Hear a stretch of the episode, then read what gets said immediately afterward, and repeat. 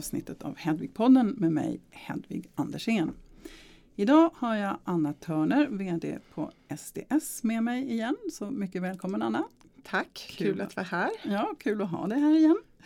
Och förra gången som vi träffades så pratade vi om varför man behöver eh, en regulatorisk strategi och hur viktigt det är att man verkligen har kravbilden som myndigheterna ställer klar för sig eh, så att man planerar och säkerställer att man har bra förutsättningar för att nå i mål och lyckas. Så att man liksom gör rätt saker så man kan svara på alla frågor som kommer upp ifrån de regulatoriska myndigheterna. Men idag så tänkte jag att vi skulle prata lite mer konkret om hur man ska gå tillväga och kanske om du skulle kunna också ge lite praktiska exempel. Så Anna, kan inte du kanske börja och berätta hur det ser ut när du möter ett projekt för första gången och liksom ge oss en, en inblick i ditt arbete därifrån? Mm. Vi, vi möter projekt i väldigt många olika faser. Och det kan ju vara allt från små akademiska grupperingar som har gjort en intressant upptäckt liksom i kliniken och har absolut noll koll på läkemedelsutveckling även om de är duktiga forskare till stora etablerade svenska bolag som behöver komplettera sina kompetenser med att ta in extra händer och fötter eller bara speciell expertis. Mm. Men om vi tar utgångspunkt i de här tidiga projekten så, så har man ju ofta hög medicinsk kompetens i projektet. Man har gjort några spännande observationer i kliniken. Man kanske har kontaktat en patentadvokat. Man har kanske fått pengar av Vinnova och, och börjat och fundera lite på hur ska det här bli ett läkemedel? Och då tar man kontakt med oss och frågar liksom, hur gör vi nu? Mm. Eh, och det vi brukar göra med då det är ju att vi ofta gör liksom en, en övergripande lägesanalys. Hur, hur mycket har man gjort och vad har man gjort och vad vet man och vad, vilken kunskap finns det och vilka bitar saknas för att kunna gå vidare. Mm. Och en av de första sakerna man gör då det är ju att, att sätta upp en, en lös eh, target product profile. Så för att säkerställa att man har samma idéer om vad, vad det är man siktar mot i den här läkemedelsutvecklingen. Eh, vilken indikation tänker man sig? Vilken patientpopulation? Eh, vilka effekter tänker man sig skulle kunna vara möjligt att uppnå med det här läkemedlet? Eh, för att ha liksom en fyr att rikta in hela utvecklingen mot. Men kan det hända då till exempel att när eh, projektet eller företaget då kommer till er så har de själva en idé om var, hur, hur, liksom vilka indikationer och hur de ska lägga upp det här. Och sen när ni har pratat med dem efter ett tag så upptäcker man att man kanske ska göra någonting helt annat. Händer det? Ja, nej, men det händer ofta att man har att man, och jag har till och med träffat bolag i tidig fas där man har, det visar sig efter lite samtal att man har ganska olika idéer om vad målet med behandlingen är. Kanske ett cancerläkemedel och någon sitter och tänker på att det här ska vara kurativt och någon annan sitter och tänker att det här är en, en palliativ behandling vid avancerad sjukdom. Mm.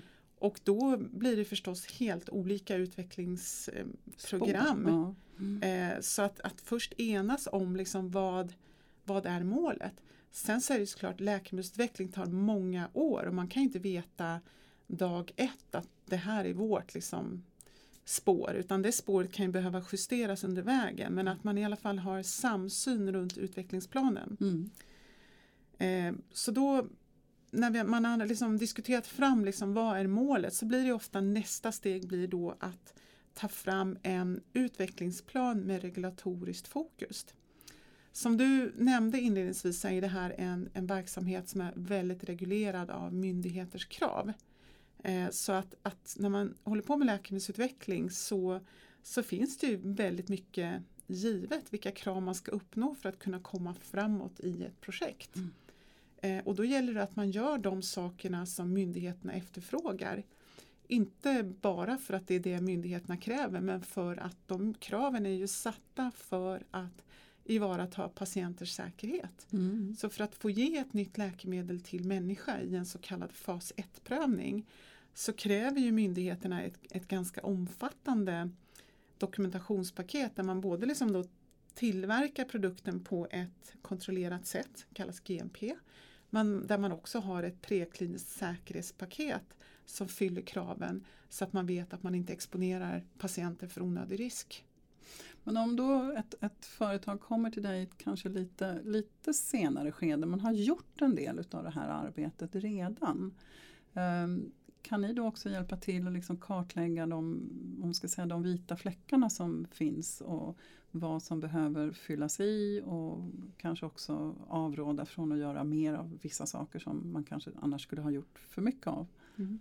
Och eh, så är det ju, man har ju ofta gjort en del. Förhoppningsvis har man inte gjort allt för mycket. För det, vi har ju mött projekt där man till och med har varit och gett läkemedlet till patienter i det som man normalt skulle kalla för en fas 2-prövning. Och sen när man börjar nysta i dokumentationen så visar det sig att man har vispat ihop den här emulsionen på kliniken. Ingen kan egentligen säga att att vad som hade gått i lösning eller om det var stabilt och vad patienterna egentligen fick i sig. Eh, när man sen då ser på de kliniska data och börjar titta på Excel-ark så visar det sig att det är helt omöjligt att se att, att känna att data är tillförlitliga. Mm. Och eh, utan, eh, om det inte dokumenterades då i den regulatoriska världen så, så har det inte hänt. Nej, nej. Så då kan det bli ett faktiskt projekt som har pågått i lång tid och där man har gjort mycket arbete som säkert är rätt men som man inte har dokumenterat rätt, att man måste göra om allt från början. Och det är ju kanske onödigt och stort slöseri med pengar så det får vi hoppas att inte så många gör på det sättet. ja. Men eh, om du då tittar liksom på nästa steg då, när ni har liksom kartlagt det här och mm. kommit in. Då, det första steget och som är ju en, en låg kostnad för att man ska kunna planera sitt utvecklingsprogram det är ju att göra den här utvecklingsplanen. Mm. Och en utvecklingsplan ska ju då visa i mer eller mindre detaljerad grad exakt vilka steg man ska göra för att kunna komma framåt. Eh, och i den utvecklingsplanen så har man ju då produkt, man har olika säkerhetstester, eh, man har kanske in vivo och in vitro modeller och så vidare. Och, och i den planen har man då olika milestones som man, man ska nå för att kunna ta projektet till nästa nivå. Och en, en bra första steg i en sån plan kan ju till exempel vara om man har en, ett projekt där man har gjort intressanta kliniska observationer eh, och så vill man göra ett läkemedel av det här. Det kan ju vara då att försöka bekräfta de här resultaten i någon in vivo eller in vitro modell i djur. Man ser liksom att jo, det här är sannolikt att den här substansen kommer att ha de här tillsiktade effekterna. Det är någonting man kan göra ganska billigt och lätt mm. istället för att, att dra igång ett helt utvecklingsprogram. Mm.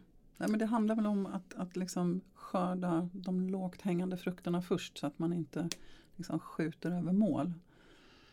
Ja, och, och ta de här äh, lätta sakerna som kan döda ett projekt tidigt. Mm, ett, ett, annat exempel är till exempel att se på på substanser, om det är en ny substans nu, att, att göra en in silico utvärdering om den här substansen kan ha gentoxiska effekter eller säkerhetsfarmakologiska problem. Mm. För det, man vet ju det, eh, finns det gentox då, då är det väldigt svårt att komma förbi. Mm. Eh, och det är ju någonting man kan utreda väldigt tidigt i projektet. Mm. Eller påverkan på hjärta och liksom sådana saker som Ja, och då, liksom, då är det ju vissa sådana här saker är ju väldigt svårt att komma förbi och, mm. och de kan man ju då se på tidigt till låg kostnad. Mm. Sen när man eh, drar igång, om man har, ta, har en substans som man ser att den här kommer, det är stor chans att den har de tillsiktade, tillsiktade effekterna in vivo. Eh, att man ser att det verkar inte vara något problem med gentox eller, eller säkerhetsfarmakologi. Då, då behöver man ju om det är en ny substans eh, ett prekliniskt paket. Mm. Och eh, det kan ju kosta då i storleksordningen upp till en 5-10 miljoner kronor mm. att, att göra de djurstudier som behövs för att kunna överhuvudtaget ge det här läkemedlet till människa. Mm. Och dokumentationen där är naturligtvis A och O så att det verkligen görs på rätt sätt. Ja, och de studierna ska då också göras enligt en standard som kallas för GLP. Mm. För att myndigheterna ska säga ja men säkerheten är tillfredsställande dokumenterad. Eh, man kan då gå in i fas 1 och fas 1 är första gången man ger en ny substans till människa. Och det man då först ser på där är ju säkerhet, Mm. att substansen tolereras. Mm. Och man räknar med att, att kanske 40% av alla projekt försvinner i fas 1 för att man har säkerhetsproblem eller att de, de doser som ger säkerhetsproblem är, ligger för nära de doserna man behöver ge för, för, för ett terapeutisk effekt. Mm. Jag brukade lite elakt säga att antingen så har du effekt men då har du för hög tox eller också så har du ingen effekt och ingen tox. Ja. Så det Nej, De, de, de Ja. liksom, dosnivåerna där måste ju vara separerade. ligger långt ifrån. Förutom då vissa läkemedel så, så ligger de ju i princip tillsammans och då, då pratar vi förstås om kemoterapi vid cancer. Då. Mm. Men det är en speciell situation. Mm. Mm. Mm. Så en, en regulatorisk plan den, den gör man ju väldigt tidigt i utvecklingsprojektet och för att kunna se att man gör rätt saker, att man kan ta projektet framåt. Men den behöver ju också skrivas om kontinuerligt allt eftersom man får mer kunskap. Men en regulatorisk plan kan ju också, eller inte bara kan, men ska ju också ta in liksom vilken typ av läkemedel är här? Är det till exempel en orphan drug? Kanske man kan få hjälp av myndigheterna, man kanske, det kommer kanske krävas mindre klinisk dokumentation. Man kanske kan få ett conditional approval och så vidare. Men om det är ett läkemedel som man ska användas för att behandla någonting där det redan finns väldigt mycket läkemedel, ta något, något enkelt som blodtrycksbehandling. Där kommer myndigheternas krav vara väldigt höga för att man ska kunna nå fram. Mm. Och allt det här är ju bra att veta redan från början när man planerar sitt projekt. Mm. Jo, och sen också det här som jag brukar prata om vikten av att ta in tillräckligt mycket pengar så att man liksom klarar sig förbi sina milstolpar med råge. För om det nu är så att man inte når milstolpen exakt så som man hade tänkt, vilket ju man sällan gör, så är det ju bra att ha lite extra pengar med i kassan så att man faktiskt har råd att styra om och, och kanske göra något kompletterande försök. Om man då ändå tror på substansen så att den fortfarande ser bra ut men man ser att här måste vi liksom skruva om det för att, att, att nå fram. Och det är väldigt svårt att gå ut och resa pengar när man just har misslyckats med någonting. Så att Mm. nå milstolpar med råge tror jag är en, en, en bra tumregel. Det är en, en jättebra regel och det är, mycket kan ju hända och när man sitter med sina resultat från någon viktig milstolpe så kan det till exempel vara att man har en oväntad tox som gör att man kanske måste gå mot en annan indikation eller en annan formulering. Och den omställningsarbetet, att revidera sina planer och se på hur den nya vägen framåt eh, ska se ut, tar ju också tid och kostar pengar. Mm. Brukar ni kunna titta på det liksom, när du lägger upp en plan ifrån början? Att man liksom kan bygga in den här typen av B-planer så att säga. Att om vi inte lyckas här så skulle man kunna titta på det där så att man även kan ta med det i beräkningen från, från Mm. dag ett. Ofta, alltså ofta gör man ju enk, alltså ganska enkla planer längs ett huvudspår som man Mm. sen då modifierar. Eh, att, att tänka i parallella spår det blir ju först aktuellt när man ser att, att det spåret som verkar bäst liksom inte är framkomligt eller blir väldigt Mm. svårt. Mm. Men fördelen med en sån här plan är ju också att man, man ser ju ganska tydligt liksom var akilleshälarna är. Ja, eh, Eh, en, en annan fråga som ofta kommer upp och som jag funderat lite kring så är det ju det här med proof of concept. För det är ju en viktig milstolpe. Skulle du kunna utveckla lite mer kring det? Mm. Proof of concept är ju liksom, då är ju många bolag i hamn. Men proof of concept är när man har visat i människa att det här läkemedlet med väldigt stor sannolikhet kommer att ha de önskade kliniska effekterna. Man har inte gjort det, det fullständiga kliniska utvecklingsprogrammet som behövs för att få ett läkemedel godkänt. Men man har ändå visat liksom att ja, eh, på någon viktig variabel som man vet predikerar för kliniska outcome så har vi visat att det är väldigt sannolikt att det här läkemedlet kommer att fungera. Och proof of concept är ju fas 2. Eh, och det kommer ju efter fas 1 när man mest ser på säkerhet. Vid fas 2 så är det liksom att man vill visa att, det, att, att effekten finns där också. Och eh, ofta väljer man ju någon endpoint som, som är lättare att studera än hur det faktiskt går för patienten. ett exempel skulle kunna vara till exempel, säg att vi utvecklar ett läkemedel för, som ska stimulera produktionen av vita blodkroppar eller granulocyter som verkar mot infektioner. Ja. Eh, man ger ju inte en sån behandling eh, man ger den behandlingen för att förbättra patientens prognos. Mm. Antingen liksom att man klarar kemoterapin bättre, att man slipper lägga sig in på sjukhus och få antibiotikabehandlingar och så vidare. Och då menar du för en cancerpatient? Ja, Mm. precis. Mm. Eh, Men ett, ett mellansteg kan ju vara att man ser att det faktiskt ökar antalet vita blodkroppar i blodet. Mm. Och det känner ju vi intuitivt att ja, men det måste ju vara en, en bra markör Mm. för att det ska kunna påverka försvaret mot infektioner. Mm. Och de flesta skulle acceptera det som en bra surrogateffektmått. Mm. Eh, och eh, att faktiskt visa att patienter inte läggs in på sjukhus för infektioner och så vidare. Det kräver ganska stora kliniska studier. Men att mäta en laboratorieparameter som vita blodkroppar i blodet är kräver en betydligt mindre studie. Men det framstår ändå som, som trovärdigt i och med att vi går direkt på den labbparameter som har betydelse. Mm. Men det gäller ju att välja ett, ett surrogateffektmått som är oomtvistligt. Säg att du vill visa att ett läkemedel har en njurprotektiv effekt eh, och vill välja en biomarkör eh, och visa att den här biomarkören eh, ökar eller minskar med x antal procent. Då måste du ha en biomarkör som, som andra personer, både bolaget och de som eventuellt ska köpa eller investera i projektet eh, upplever som, som trovärdig Mm. att ja, om kreatinin stiger med 20% kommer det verkligen transplantera till viktiga kliniska effekter. Och har man inte den kopplingen mellan sitt surrogateffektmått och de kliniska endpointen så blir ju också då en proof of concept-studie svagare. Mm. Nej men absolut. Men om man då tänker sig att eh, liksom, du har möjligheter att göra liksom, lite tidigare och kanske mer så här early kills för det är ju det som alla vill göra mm, egentligen så man slipper lägga massa tid och pengar i onödan eh, på någonting som inte skulle klara sig hela vägen. Eh, Men samtidigt så kan det ju också vara en avvägning för att du vill ju inte lägga för mycket pengar på att göra för många alternativa studier om vi säger så. Utan kanske gå på ditt huvudspår mm, från dag ett om du nu har begränsat med, med kapital. Att liksom hitta en avvägning mellan det. Vad, vad skulle du ge för råd där?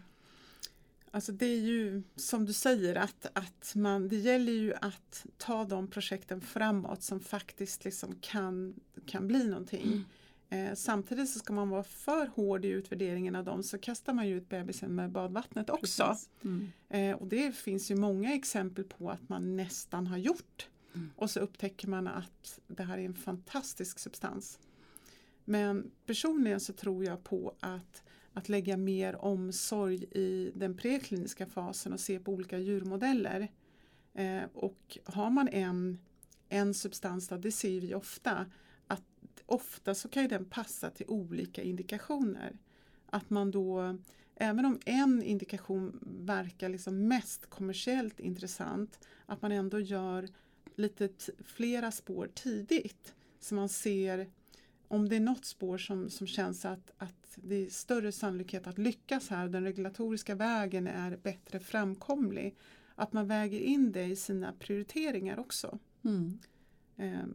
Och sen då inte för snabbt kastar sig in i klinisk fas.